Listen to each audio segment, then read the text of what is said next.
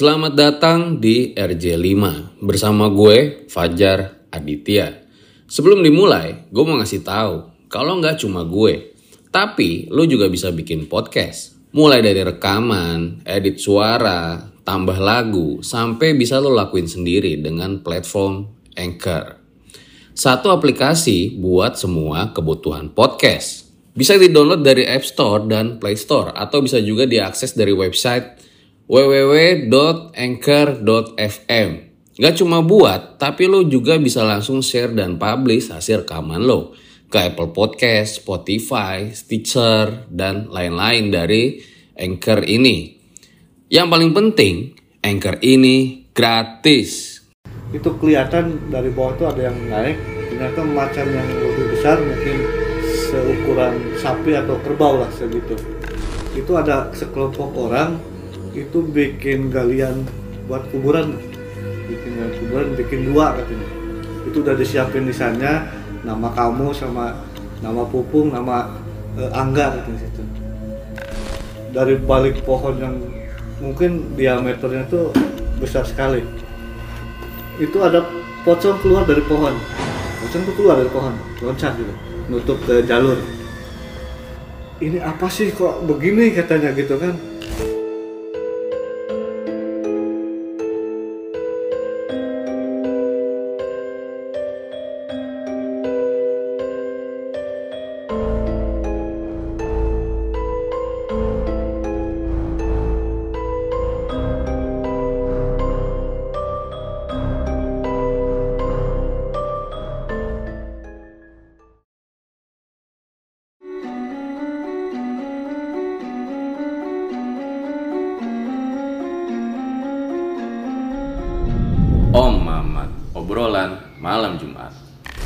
Kembali lagi bersama gue Fajar Aditya di sini di Om Mamat season 1. Dan di episode kali ini bukan sebuah episode biasa karena kita sudah kedatangan seorang narasumber yang mempunyai pengalaman horor ketika mendaki Gunung Ciremai via Linggarjati.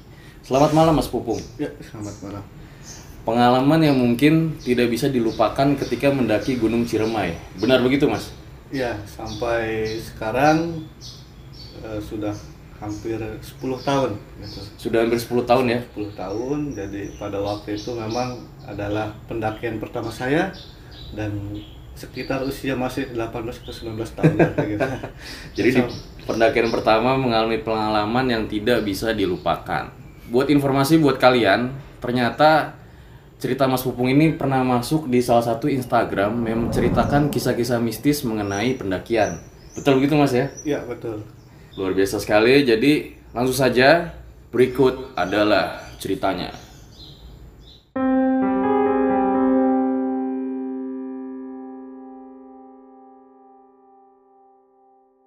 Ya cerita ini eh, saya alami pada saat tahun 2005.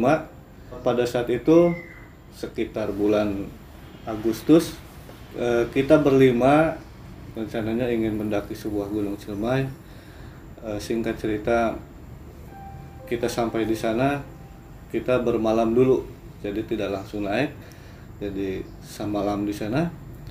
Mulai terasa ada kanan kanan itu pada saat malam hari di mana eh, salah satu teman saya itu melihat atau mendengar ada suara burung hantu. Di atas itu eh, ada sebuah pohon cemara dan ada sebuah ranting dan burung itu tepat di ranting itu dan melihat ke bawah gitu. jadi kita berdua sempat eh, sedikit aneh gitu ini kenapa kok burung melihat selalu ke bawah melihat ke arah kita gitu. Lalu nggak nggak lama kemudian ada seseorang laki-laki datang dari arah belakang tenda. Eh, dia menanyakan katanya, ini dari mana? Katanya kita jawab dari eh, kita semua dari Cirebon. gitu. Ini mau pada naik apa gimana? Iya kita naik besok. Sekarang kita eh, bermalam dulu di sini katanya. Terus dia bilang katanya, tadi lagi nginter apaan mas katanya. gitu. Terus teman saya bilang, ini mas ada burung hantu katanya. Ada dua cuma udah udah terbang. Eh, sempat kita ngobrol-ngobrol sebentar sebelum dia eh, pamit. Dia sempat bilang katanya, saya kira katanya "Eh, mas ini lagi pada ngintelin apa gitu. Saya khawatir ada kereta beroda empat. Nah kita akhirnya bingung tuh kereta beroda empat itu apa gitu. Cuma orang itu tidak menjelaskan akhirnya dia pamit untuk kembali ke tempatnya. Saya juga nggak tahu apakah itu apakah petugas di situ apa warga di situ saya nggak ngerti. Akhirnya karena mendengar sesuatu yang menurut kita aneh akhirnya kita pun masuk untuk uh, tidur gitu untuk melanjutkan di besok pagi untuk naik gitu. Itu posisinya di mana mas? Uh, itu posisinya di camp namanya camp Cibunar yaitu tempat area uh, camping gitu. Jadi sebelum kita mendaki di situ ada namanya camp Cibunar uh, untuk khusus area camping gitu. Dan di sana posisinya ada banyak pendaki atau bagaimana? Pada saat itu ada beberapa, hanya tidak terlalu banyak lah. Dan yang naik malam juga mungkin ada sekitar tiga atau empat pendaki yang sedang melakukan pendakian. Dan saya sendiri bersama teman-teman rencana adalah melanjutkan besok pagi gitu. Jadi kita e, bermalam dulu semalam jadi kita berencana berangkat pagi begitu. Pada saat pagi tiba-tiba si Juki itu teman saya yang melihat burung hantu itu dia sakit. E, saya tanya Juk kamu kenapa ini kepala saya pusing katanya. Semalam saya muntah katanya. Gimana mau lanjut naik apa enggak? Dia bilang katanya saya enggak nggak kuat kayaknya daripada nanti merepotkan. Akhirnya dia nggak nggak jadi ikut gitu. E, setelah kita berunding berlima akhirnya yang naik itu hanya saya berdua. Eh, dengan teman saya bernama Angga. Kebetulan teman saya ini sudah almarhum karena sebuah eh, sakit gitu kan. Dan yang bertiga akhirnya sepakat untuk eh, menemani Juki eh, eh, menunggu gitu barangkali terjadi apa-apa sehingga kami putuskan yaudah yang berangkat saya dengan Angga gitu.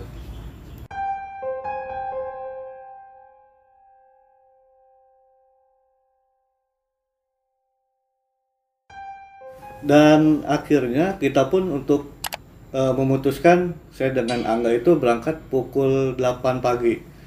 Akhirnya jam 8 kita naik. Selama perjalanan semuanya baik-baik aja gitu. Tidak ada kejadian yang di luar kewajaran atau misalkan cuaca buruk. Itu semuanya baik-baik aja. Bahkan e, mencapai pos terakhir itu namanya pos pengasinan itu pukul 5 sore. Eh, kita pun melanjutkan perjalanan ke puncak gitu sampai sekitar pukul setengah enam. Di puncak kita ya saling ngobrol saling mengambil gambar dan sedikit beristirahat. Dan akhirnya sekitar pukul setengah tujuh malam kita putuskan untuk turun kembali karena pada waktu itu memang eh, sebelum mencapai puncak ada sebuah kejadian yang membuat saya dengan Angga ini sedikit ada clash gitu. Sepanjang perjalanan sebelum naik ke mau ke puncak ini dia itu banyak mengeluh karena pada saat pendakian itu dia hanya mengenakan celana pendek, celana lepis yang dipotong dan pada saat itu sempat ada gerimis sehingga celananya itu karena lepis jadi kalau udah basah itu mungkin lama keringnya dan akhirnya saya pun e, sampaikan ke anda udah disalin aja bajunya. Kan bawa pakaian ganti. Dia bilang udah nggak usah katanya. Panggung dekat lagi sampai puncak. Enggak soalnya e, ini lumayan ini. Nanti belum perjalanan pulang pasti kamu kedinginan katanya gitu. Saya bilang gitu. Tapi akhirnya dia ngotot udah nggak usah katanya. Nanti ribet katanya gitu. E, sesaat sebelum sampai di puncak saya melihat Angga itu melihat tubuhnya itu menggigil jadi seperti mungkin kalau orang bilang sudah hampir hipotermia begitu. Akhirnya saya paksa dia untuk e, mengganti pakaiannya dengan pakaian yang kering. Hanya saja dia itu ngotot nggak mau gitu. Udah pokoknya saya pakai ini aja katanya gitu. Soalnya saya nggak mau ribet. Soalnya nanti masuk malam juga nanti di perjalanan bisa kering. Akhirnya ya kalau begitu terserah lah gitu begitu perjalanan pulang turun dari puncak nggak jauh eh, sudah memasuki gelap. Karena pada waktu itu memang sudah setengah tujuh malam sudah agak gelap. Dan kita hanya punya center itu satu. Pada saat perjalanan itu eh, si Angga itu karena yang pertama adalah kedinginan akhirnya dia pun mungkin tidak fokus saat berjalan. Eh, dia terpleset jatuh. Lalu saya katakan "Eh, kamu nggak apa-apa nggak? Udah nggak apa-apa katanya. Coba sih tolong katanya. Nyenternya jangan sendirian aja saya juga disenterin gue bilangnya gitu. Karena senternya cuma ada satu pada waktu itu. Nah pada saat perjalanan itu dia itu selalu jatuh. Saya juga bingung apakah dia udah karena capek kedinginan atau saya juga nggak paham. Beberapa kali jatuh dan dia pun marah gitu. Kalau nyenter yang bener dong gitu masa nyenter sendiri aja saya juga kan nggak kelihatan. Yaudah deh kalau gitu ini senternya saya kasihkan ke si Angga gitu. Udah kamu aja kalau gitu yang pegang gitu. Akhirnya dia tuh yang pegang center. Cuma anehnya walaupun dia yang pegang center, dia tuh tetap jatuh gitu. Jatuh lagi terpeleset lagi untungnya tidak sampai mengakibatkan terkilir atau sampai berdarah gitu masih masih biasa gitu. Dari atas sampai lagi tuh ke pos pengasinan yang di bawah puncak itu nah, di situ dia mulai merasa ke, eh, kedinginan mulai menggigil. Akhirnya saya putuskan udah sini tasnya gitu kan. Saya ambil bajunya saya kasihkan ke dia suruh suruh ganti maksudnya untuk lebih memberikan kehangatan. Karena kan dalam kondisi baju basah itu eh, saya khawatir dia kedinginan terus terjadi yang nggak paham. Karena saya juga pada waktu itu nggak paham seperti apa apa yang harus dilakukan gitu. Akhirnya saya paksa akhirnya dia pun mau. Dan setelah dia ganti baju dia tiba-tiba tidur. Dia tidur eh, saya pikir kasihan mungkin dia capek gitu. Pada saat tidur tuh dia tuh eh, mungkin orang bilang eh, ngigau gitu. Dia bilang udah sana kalau mau pulang pulang aja gitu gak usah tungguin saya katanya gitu. Udah saya mau di sini aja lah katanya. Ini saya bangunin. Nggak bangun nggak gitu. Terus dia bangun. Udah ayo kita jalan lagi saya bilang gitu. Terus kata dia nantilah masih capek kata saya gitu. Terus apa yang tadi diucapkan itu pada saat itu dia bilang lagi udah kalau kamu mau duluan duluan aja katanya gitu. "Eh, udah biar saya di sini dulu. Saya pikir ini seperti yang tadi diucapkan gitu pada saat dia tidur gitu kan enggak eh, kalau kita naik bareng tuh juga bareng. Kita nggak bisa kita cuma berdua gitu kan. Kita nggak bisa terpisah terlalu jauh karena center juga cuma ada satu gitu. Udah nggak apa-apa katanya senternya bawa aja katanya dia bilang gitu. Itu udah mulai kacau gitu. Saya juga di samping dingin capek gitu. Ini suasana juga udah mulai kacau. Dan akhirnya saya paksa. Akhirnya dia mau saya paksa turun. Tiba-tiba dia jatuh lagi. Sampai berulang-ulang dia jatuh lagi jatuh lagi sampai mungkin dia marah. Sampai dia bilang udah kalau gitu katanya. Saya mau balik lagi ke puncak. Kamu pulang-pulang aja. Percuma bawa senter katanya. Kalau cuma buat diri sendiri katanya. Udah kalau gitu nih saya kasihkan lagi senternya saya kurang apa gitu kan. Eh, sampai kenapa kok kamu marah gitu. Akhirnya Berarti dia di selama perjalanan itu penuh dengan perdebatan gitu, konflik, iya. ya. ya kita penuh dengan konflik pokoknya. Lama kelamaan akhirnya saya pun terpancing gitu emosinya.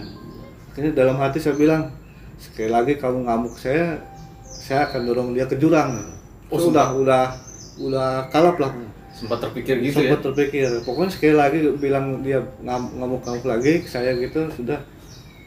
Pokoknya begitu ngomong langsung saya dorong gitu. Karena memang pada saat itu kiri kanan itu agak agak dalam jurangnya begitu. Kayaknya untungnya dia nggak ngomong gitu. kalau ngomong mungkin beda ceritanya. Nah sempat selama perjalanan itu kita nggak nggak banyak bicara kita nggak komunikasi. Akhirnya kita pun semakin lama saya me- eh, melihat jalur itu tidak seperti jalur yang saya lewati pada saat naik. Semakin jauh itu tiba-tiba banyak tumpukan sampah seperti TPS tempat pembuangan sampah yang namanya sampah dari plastik sampah dari eh, botol minuman dan lain-lain itu semuanya oh, banyak pokoknya di depan di depan kita itu sampah semua. Akhirnya begitu didekati sampahnya hilang. Ini hilang. Saya juga bingung kok tiba-tiba pohon semua gitu. Dan jalur yang dilewati semuanya hilang gitu. Posisi jam berapa mas? Eh, pada saat dari atas itu setengah tujuh, perkiraan itu pukul jam 9 malam di Sangga Buana eh, yang pertama, kalau nggak salah. Hanya berdua saja? Hanya berdua saja dan tidak berjumpa dengan pendaki lain. Pokoknya hanya kita berdua dengan konflik yang ada pada saat itu, dengan emosi yang ada saat itu, akhirnya kita pun tersesat selama hampir dua jam. Nah pada saat tersesat itu tiba-tiba teman saya si Angga ini dia tidur di pohon yang apa namanya yang tumbang. Dia tidur kepalanya seba, apa pohon itu sebagai bantal gitu. Sesekali kan suka main center gitu center sambil berpikir gitu kan. Kayaknya ini emang bukan jalur ini udah kesasar gitu. Begitu saya center si Angga itu kepala si Angga itu bergerak. Bergerak kok si Angga bergerak? gitu kan. Nggak bangun nggak bangun gitu kan dia kaget gitu. Tiba-tiba dia pun dari pohon jatuh kepalanya jatuh. Jatuh ke bawah. Pas lihat dilihat itu bukan pohon. Itu ular gede banget pokoknya. Itu ular warnanya hitam lagi mungkin karena lagi diam ditidurin sama si Angga akhirnya dia pun jalan. Jadi ular tuh panjang. Begitu di center tuh pokoknya nggak habis-habis mungkin sekitar 10 detik lah itu apa? katanya itu apa? Kalau dilihat sih itu ular. Saya bilang itu ular gitu kan. Udah kita gimana? gitu kan. Eh saya mau pulang katanya. Iya saya juga sama mau pulang gitu kan. Di dalam ketakutan itu itu tiba-tiba ada suara itu pokoknya suara dari dari belakang. Dari belakang tapi di bawah karena situ kan ada jurang itu suara itu dari bawah gitu. Udah kamu yang tenang kamu naik lagi ke atas gitu suara cuma gitu. Udah kamu yang tenang kamu naik lagi ke atas. Di center dilihat suara siapa itu nggak ketemu. Ya kita pun udah nggak ayo kita ikutin aja. Kita naik ke atas. Naik lagi ke atas. Hampir sekitar tiga jam mungkin ada. Tiga jam naik ke atas. Suaranya cowok, laki-laki. Kayak kakek-kakek gitu. Kakek-kakek. suara kakek-kakek cuma nggak ada wujudnya. Hanya suara Dari jurang ya? dari bawah jurang gitu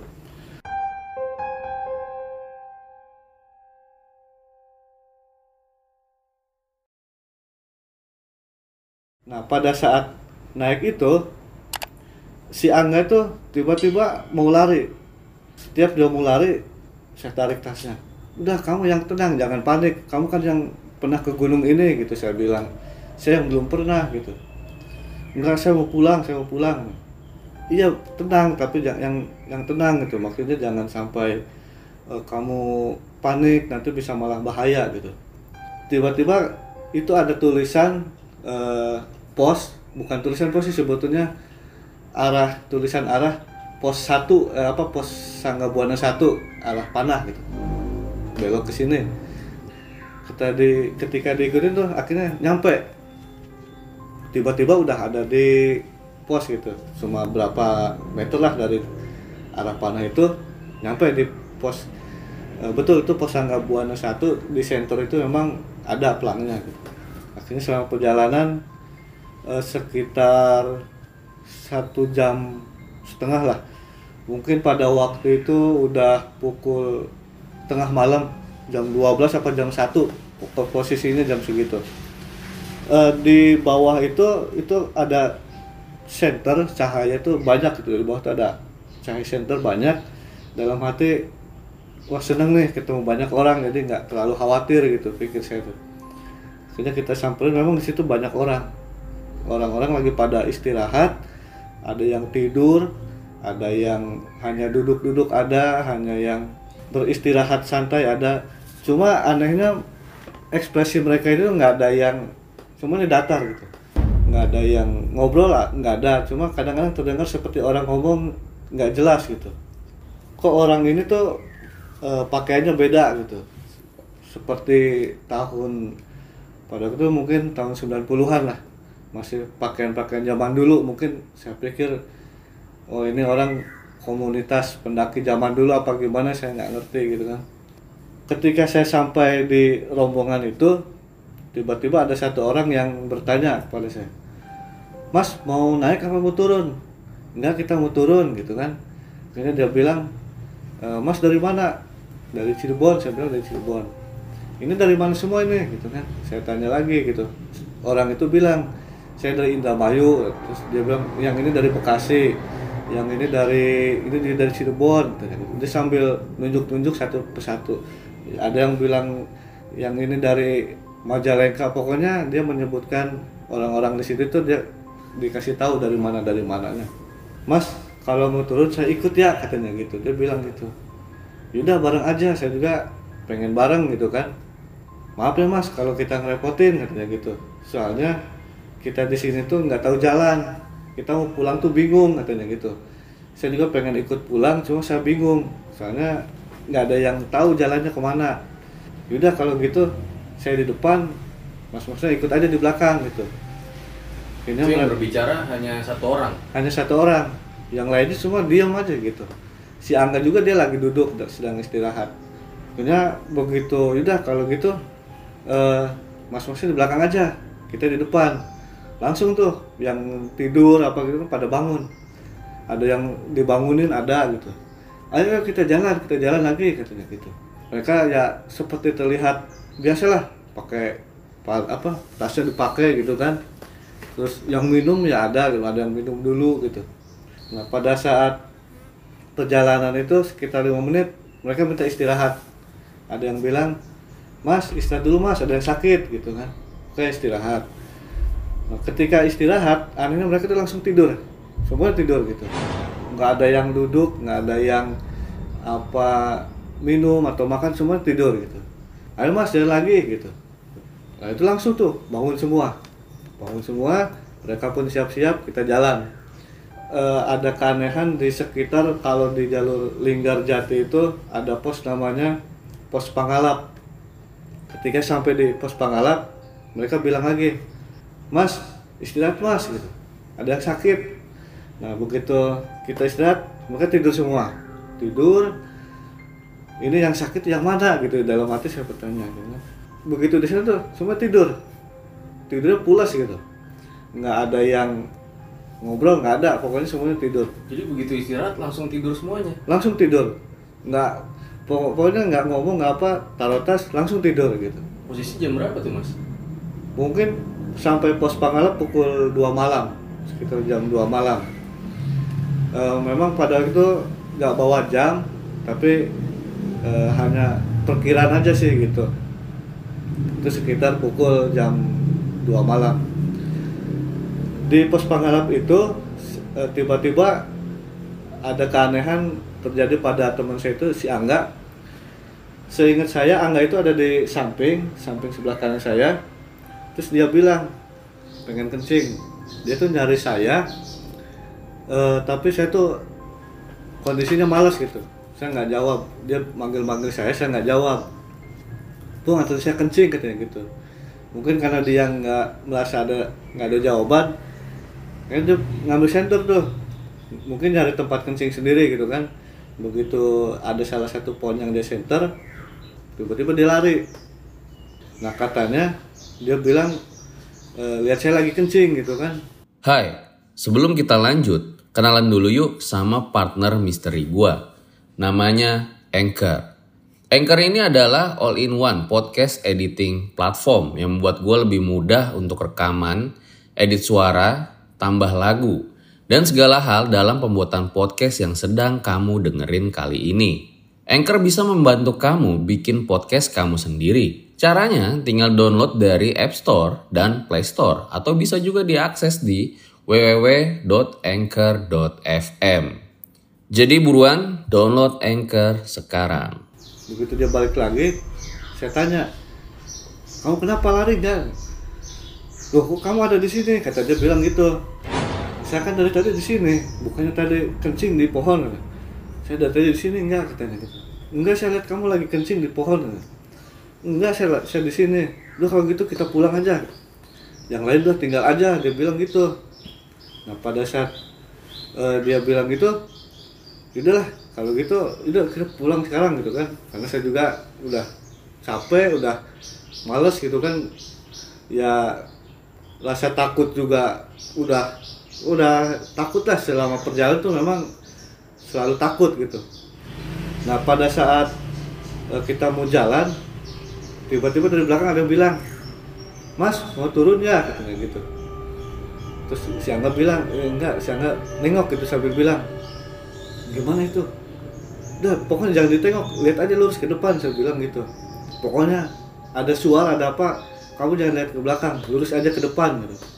Nah begitu jalan eh, mungkin ini bagian yang mulai semakin saya pikir eh, memacu rasa takut saya gitu. Semakin semakin turun itu ternyata semakin Mencekam. mencekam gitu suasananya. Dari belakang orang-orang yang tadi ikut itu itu kedengeran langkahnya itu kedengeran. Mereka tuh ngikutin gitu. Mereka ngikutin. Terus si Angga bilang Pung kayaknya mereka ngikutin gitu kan. Iya kayaknya sih ngikutin tapi udah pokoknya jangan dilihat. Kalau nanya juga pokoknya jangan dijawab gitu kan. Eh, suaranya tuh semakin dekat. Kita semakin kencang dia semakin dekat gitu semakin kencang semakin dekat. Enggak udah lari aja lari gitu kan. Lari. Walaupun sempat jatuh karena gelap gitu kan kita lari.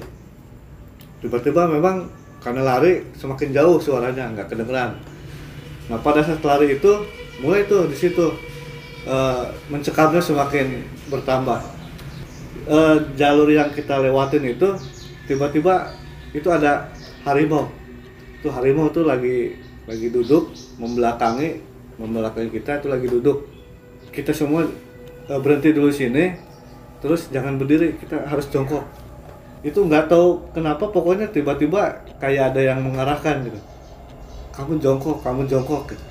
Itu dari suara dari belakang tuh ada yang bilang kamu jongkok kamu jongkok gitu. Oh, ada suara. ada suara yang bilang suara itu suara kakek-kakek yang pada saat tersesat itu itu suaranya masih ingat suara kakek-kakek itu. Dia bilang si Angga bilang terus kita harus gimana udah diam aja dulu sini. Terus akhirnya saya bilang nggak mungkin barangkali eh, saya nggak tahu kita selamat apa enggak gitu kan. Ini udah udah jam berapa? Mungkin pada saat itu udah jam 2 lewat atau mau jam 3 kita ini nggak tahu jam berapa ketinggian berapa kita nggak tahu. Udah kita pasrah aja lah gitu kan pun kalau saya eh, banyak salah maafin saya gitu. Sambil meluk saya tuh dari depan tuh dia meluk gitu. terus saya bilang ya sama-sama saya juga eh, saya maafkan gitu kan. Sempet tuh di situ yang tadinya kita sempat konflik sempat emosi eh, pada saat situasi itu kita jadi deket lagi jadi eh, baik lagi gitu kan. Hanya saja memang situasi pada saat itu udah bukan situasi yang normal mungkin kan udah nggak sekarang kita tunggu aja sampai dia pergi. Kalau dia pergi kita jalan. Terus sempat saya eh, kepikiran gitu. Ya Allah kalau sampai saya harus sampai di sini gitu saya harus mati di sini saya harus dimakan apa yang ada di depan itu udah saya ikhlas gitu. Selesai saya eh, kepikiran itu dari bawah itu datang ada satu lagi yang lebih besar. Itu mungkin karena pada saat itu nggak terlalu jauh mungkin sekitar 10 meter lah jaraknya. Itu kelihatan dari bawah itu ada yang naik ternyata macan yang lebih besar mungkin seukuran sapi atau kerbau lah segitu. Tapi sebelum saya mati di sini paling tidak eh, saya harus ngelawan dulu gitu. Saya di situ ada bawa golok sambil nunggu itu saya hanya pegang golok aja begini. Ayolah berantem berantem di sini gitu kan. Masalah saya harus mati di sini nggak apa-apa gitu. Nah, sempet si yang besar itu tuh ngeliatin gitu kan. Nggak lama kemudian terus dia lari lari ke arah eh, sebelah kanan. Padahal gelap tuh nggak tahu ke mana itu pokoknya lari ke situ. Dan nggak lama kemudian yang satu juga itu turun turun ke bawah. Kita turun aja lah. Kayaknya udah udah jauh gitu kan. Akhirnya kita lanjutkan turun nah pada saat turun itu itu ada yang ngadang lagi. Ada yang menghadang lagi. Dari balik pohon yang mungkin diameternya tuh besar sekali. Itu ada pocong keluar dari pohon. Pocong tuh keluar dari pohon loncat gitu. Nutup ke jalur. Duduk lagi. Ada apa? Itu lihat di depan gitu kan. Ini apa sih kok begini katanya gitu kan. Saya punya salah apa? Udah jangan banyak jangan banyak ngomong saya bilang udah pasrah aja. Udah duduk duduk duduk gitu kan. Anehnya begitu pocong itu saya center karena kan penasaran kayak apa gitu. Begitu center dia langsung hilang. Kalau center dimatiin dia ada lagi. Sampai tiga kali begitu akhirnya udahlah. Begitu udah hilang tiba-tiba datang lagi. Dari bawah itu perempuan. Perempuan dia pakai keril pakai jaket pakai sepatu. Dia lagi naik sendiri saya bilang enggak itu ada yang naik eh, tapi perempuan gitu kan. Ah masa? Kan iya itu pokoknya lihat aja gitu kan. Terus bener tuh semakin dekat semakin dekat ditanya sama si Angga tuh, mbak kok sendiri aja? Katanya gitu. Dia bilang gitu. Cuma begitu ditanya itu enggak ini si cewek itu nggak nengok. Dia cuma tatapannya lurus ke depan sambil pegang center gitu. Biasa kan kalau orang e, naik malu itu kan pandangan ke bawah gitu kan center ke bawah. Ini hanya lurus ke depan center juga ke depan. Dan setelah dia lewat itu e, mungkin namanya tiba-tiba bau itu bau menyengat sekali seperti bau bangkai gitu. Bau bangkai. Jadi orang itu pakai parfum apa gitu. Begitu dilihat di center ternyata orangnya udah nggak ada. Udah nggak kita lari aja langsung lari lagi tuh dari atas lari lagi. Karena saking paniknya kita lari. Dan pada saat lari itu tiba-tiba si Angga itu terjatuh. Karena si Angga itu posisinya ada di belakang tiba-tiba dipanggil dia manggil Pung tunggu katanya gitu. Dia bilang saya jatuh. Saya, begitu saya deketin uh, mungkin barangkali ini yang membuat dari sekian kejadian itu yang bikin saya udah nggak bisa bergerak lah gitu uh, tiba-tiba di samping sebelah kiri saya itu hanya mungkin jarak sekitar 2 meter itu nenek-nenek ada sosok nenek-nenek uh, semuanya serba hitam rambutnya itu panjang dan itu matanya itu sebelah kanan itu merah tapi di samping ini di samping pelipis matanya itu. Jadi sosok si nenek itu e, rambutnya itu sangat panjang sekali. Matanya itu e, ada di sebelah pelipis dengan cahaya yang e, merah.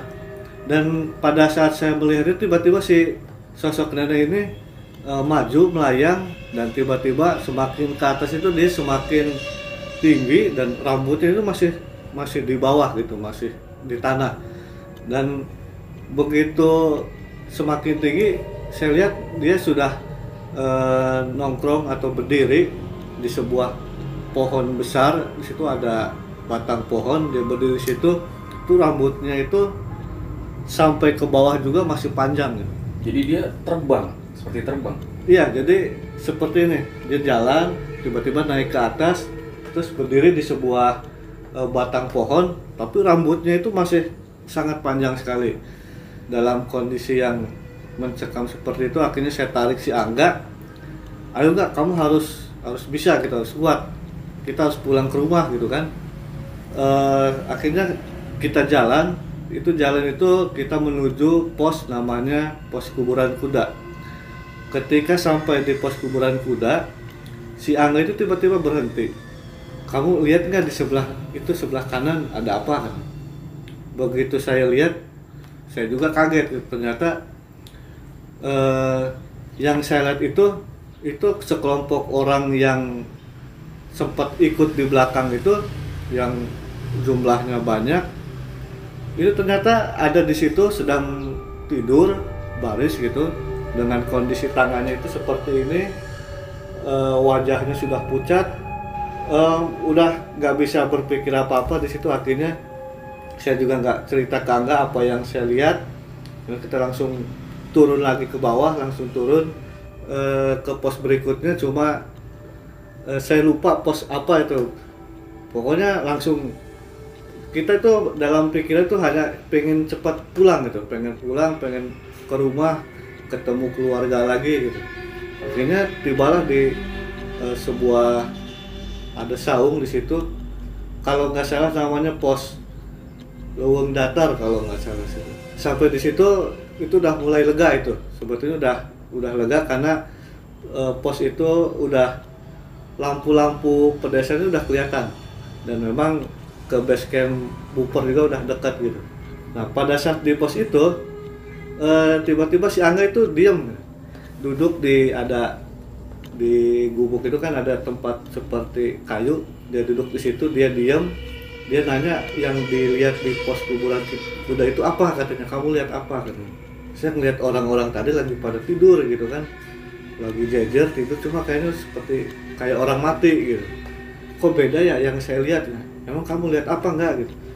Dia bilang itu di situ tuh batu nisan semua. Batu nisan eh, semuanya berjejer dengan namanya masing-masing dan di situ ada yang dari Bekasi dari Cirebon juga ada dari Indramayu seperti yang disebutkan pada saat kita pertama ketemu itu di situ. Cuma anehnya si Angga ini masih nggak mau dia masih pengennya katanya nanti saya pengen di sini dulu katanya gitu. Ayo nggak sedikit lagi sampai buper saya bilang gitu. Cuma dia tetap nggak saya di sini dulu sebentar. Emang kenapa gitu kan kita bentar lagi nyampe buper gitu ketemu teman kita gitu. Kamu ambil center, center pegang dia bilang gitu coba kamu center ke sebelah pohon yang ada di atas gitu. Ternyata itu di pohon itu itu ada orang di itu ada orang. Cuma orangnya itu dia ngegantung gitu. Ngegantung tapi eh dia pakai keril ngegantung tangannya satu gitu. Ngegantung tangannya satu di bawahnya itu banyak tangan banyak yang narik gitu. Jadi tangan tangan cuma nggak nggak jelas yang narik itu siapa jadi ketika dia gantung itu kakinya itu banyak yang megangin orang yang ngegantung itu katanya dia bilang dia minta tolong ke si Angga untuk e, nyelamatin saya tolong saya katanya gitu. Bentar pung ya saya mau nolongin dia katanya. Jadi saya bilang wah ini nggak bener udah nggak jangan ngaco. Udah ayo pulang gitu kan. Enggak saya mau nolongin dia katanya. Udah jangan jangan ditolongin. Udah kita pulang aja gitu. Dengan sedikit memaksa saya tarik lagi tuh bajunya. Udah nggak ayo tarik eh, kita pulang gitu kan. Tapi setelah saya tarik saya bawa jalan tuh tatapan mata masih ke pohon yang yang itu gitu yang ada orang ngegantung itu tutup aja pakai eh, apa namanya pakai jaket saya buka saya tutupin saya tuntun. Ini jaket siapa? kan gitu kan. Enggak barangkali kamu kedinginan saya bilang gitu. Begitu dia bilang ini jaket siapa? Terus jaketnya diambil. Si jaket itu tiba-tiba ada yang narik dari belakang ternyata si orang yang ngegantung itu ada di belakang. Gitu. Ada di belakang. Itu saya nggak lihat cuma si Angga lihat gitu. Kamu siapa gitu kan? Gue bisa minta tolong saya bisa mau pulang gitu. Seperti tarik itu namanya jaket tuh yang satu dipegang satunya melayang gitu.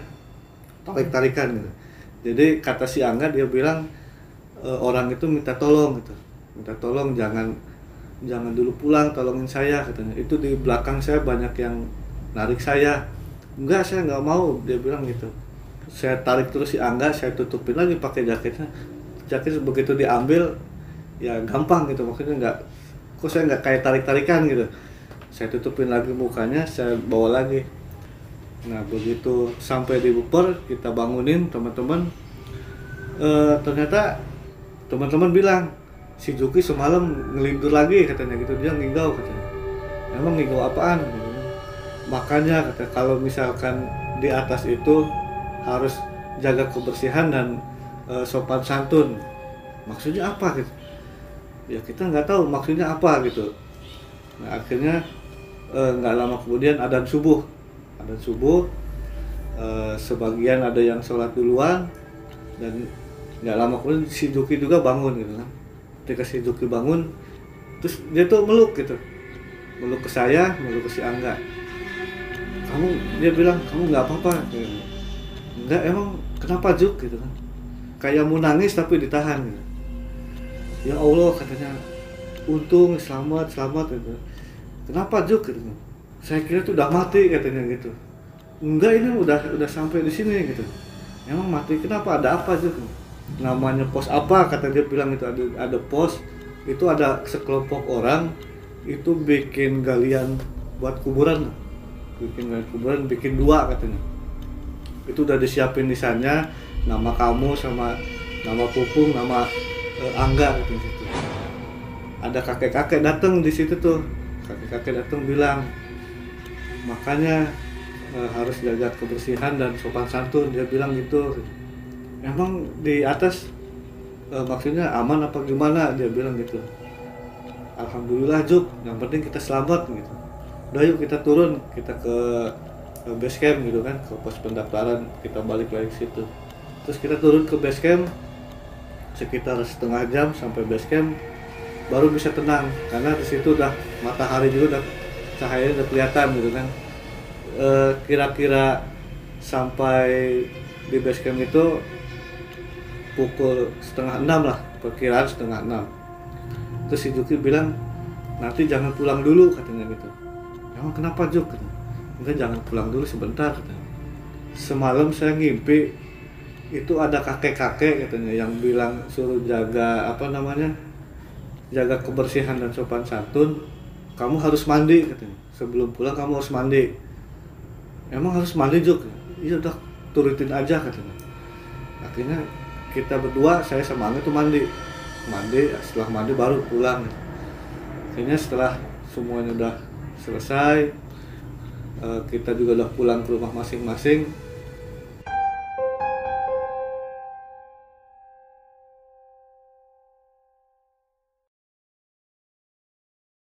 Akhirnya kita kumpul tuh di rumahnya salah satu teman kita namanya Ahmad. Terus kita cerita tuh eh, menceritakan pengalaman-pengalaman pada saat di pendakian. Terus saya bilang ke Juki emang waktu mimpi kakek-kakek itu bagaimana? katanya. Dia bilang ya saya tuh mimpi katanya eh, waktu kamu naik kamu diikutin banyak harimau. Terus ada kakek-kakek tuh. Nah sama kakek-kakek itu diusirin satu-satu. Juk kalau boleh tahu kakek-kakek ini seperti apa sosoknya? Jadi pakaiannya serba hitam eh, celananya itu nggak sampai ke bawah sih hanya sekitar segini. Di atas mata kaki. Jadi celananya di atas mata kaki. Dia pakai ikat kepala. Ketika di perjalanan tuh ngikutin si kakek itu tuh nanti kalau ada harimau lagi sama dia diusir katanya dia begitu.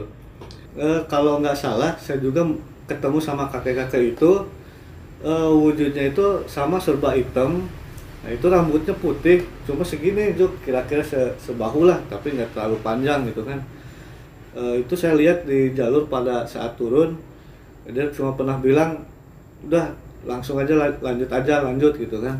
Itu pada saat apa mas ketemu sama kakek-kakeknya? Setelah ketemu nenek-nenek itu, Pas masih ada nenek-nenek itu? ya pas nenek-nenek itu naik ke atas, saya langsung tarik si Angga, kita langsung turun. Nah pada saat turun itu kakek-kakek itu ada di ini di samping jalur. Dia cuma ngeliatin, nah, ngeliatin kita cuma lewat, nah, nggak ngomong apa-apa lah gitu. Setelah kita saling menyamakan cerita, ya kita pun mungkin mengambil hikmah dari kejadian itu. Mungkin em, ada kesalahan-kesalahan dari mungkin kita ada salah-salah kata atau barangkali buang sampah sembarangan mungkin atau bisa juga dari diri sendiri yang eh, sempat konflik pada saat di atas jadi mengundang hal-hal yang ya barangkali mereka itu sehingga jadi mengganggu gitu. Itulah pengalaman saya yang sampai sekarang tuh masih ingat gitu. Dan sampai sekarang ya baru kali ini saya ceritakan secara lengkap karena pada saat di IG itu itu saya tidak menceritakan semuanya Ya itu dia gengs, pengalaman luar biasa yang pernah dialami oleh Mas Pupung dan teman-temannya. Banyak sekali kejadian horor yang dialami ketika mendaki Gunung Ciremai pada saat itu. Mulai dari bertemu harimau, kemudian ada mayat ya yang Iya. mengikuti perjalanan pada saat pulang sampai bertemu dengan sosok nenek-nenek ya. Iya betul Dan kalau boleh gua ambil kesimpulan, ada hikmah ternyata dibalik dari pengalaman yang dialami oleh Mas Pupung ini. Yaitu kalau bisa kita pada saat perjalanan jauh, kita meredam ego yang ada pada masing-masing diri kita sendiri ya. iya Karena di perjalanan tersebut Mas Pupung mengalami banyak konflik ya. Ya. Bahkan sampai di satu titik Mas Pupung ingin mendorong kawannya untuk ke jurang ya. Iya betul udah sampai di titik itu Sampai di titik seperti itu ya. salah satu hikmah lain yang bisa kalian ambil adalah kita memang tidak pernah tahu kapan hal-hal di luar akal logika akan menimpa kita. Ketika hal tersebut menimpa kita, yang harus kita lakukan adalah tetap tenang, kemudian juga mungkin banyak berucap doa untuk meminta perlindungan kepada Allah Subhanahu wa taala. Mungkin Mas Pupung tidak pernah menduga ya akan mengalami gangguan-gangguan segitu banyaknya ya Mas ketika mendaki gunung yang memang tujuannya pada saat itu ya hanya mendaki gunung ya bersama teman-teman ya. Iya betul, nggak pernah menyangka karena pada saat naik juga tidak pernah ada gangguan-gangguan seperti itu. Justru pada saat turunnya itu, gitu. Tapi luar biasa sekali respon yang ditunjukkan Mas Pupung ketika mengalami hal tersebut. Tetap tenang dan selalu optimis kalau kita mendengar cerita dari Mas Pupung tadi ya. Demikian video Om Ahmad pada kali ini. Jika kalian suka dengan video-video seperti ini, dukung karya-karya kami dengan cara subscribe, like, komen, dan juga share video ini sebanyak-banyaknya ke keluarga kalian, teman kalian, ya siapa saja. Oke, demikian dan ciao. Terima kasih Mas Pupung. Sama-sama.